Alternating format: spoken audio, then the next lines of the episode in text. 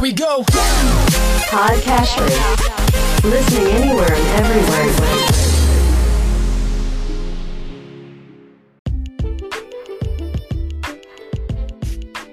Welcome to Weekly Investment Podcast bersama saya Ferdian Syahputra dari Ispring Investment Indonesia untuk Prudential Indonesia.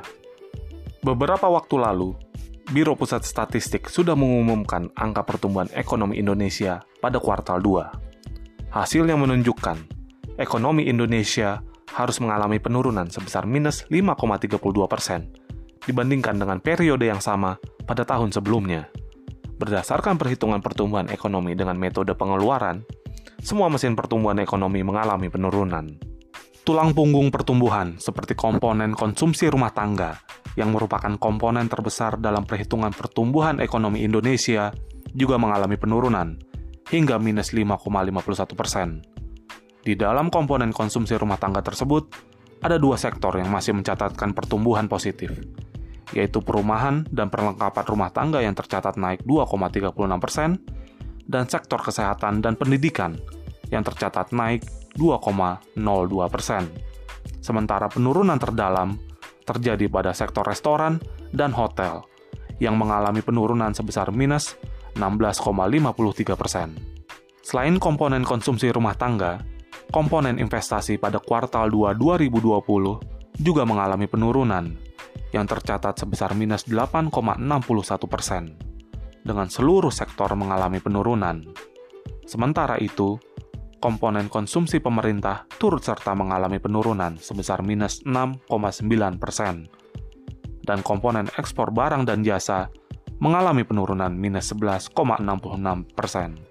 Meskipun penurunan cukup dalam terjadi pada kuartal 2 ini, Biro Pusat Statistik juga mencatat bahwa geliat ekonomi sudah mulai berjalan sejak akhir kuartal 2 ini, meskipun memang masih jauh dari kondisi normal, sebagai hasil dari penerapan beberapa kebijakan pemerintah yang sedikit demi sedikit membuka beberapa sektor ekonomi.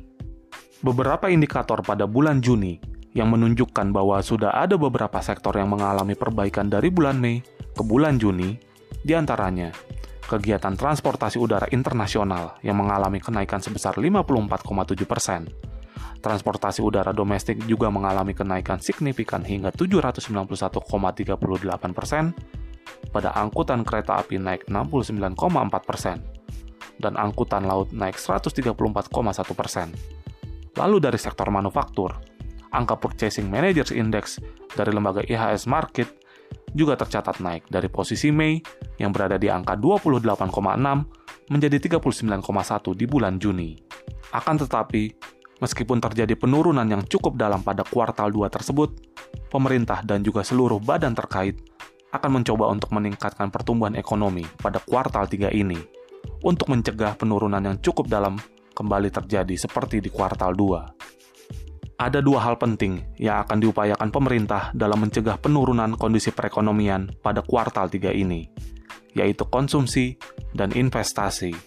Dari sisi konsumsi, pemerintah melalui belanja negara yang ada di dalam APBN akan terus mengupayakan untuk bisa menggunakan anggaran yang sudah dialokasikan untuk bisa mengembalikan daya beli masyarakat agar konsumsi masyarakat bisa pulih kembali. Di samping itu, belanja negara juga akan digunakan untuk mengembalikan kepercayaan pada dunia usaha dan juga sektor perbankan, sehingga kredit usaha tetap berjalan dan dunia usaha bergulir kembali.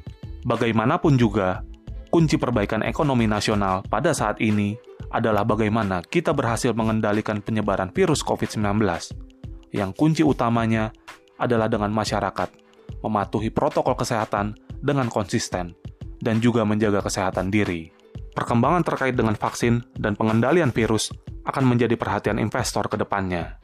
Semakin cepat terkendalinya penyebaran virus COVID-19 ini, maka semakin cepat pula perbaikan beragam sektor perekonomian ke depannya.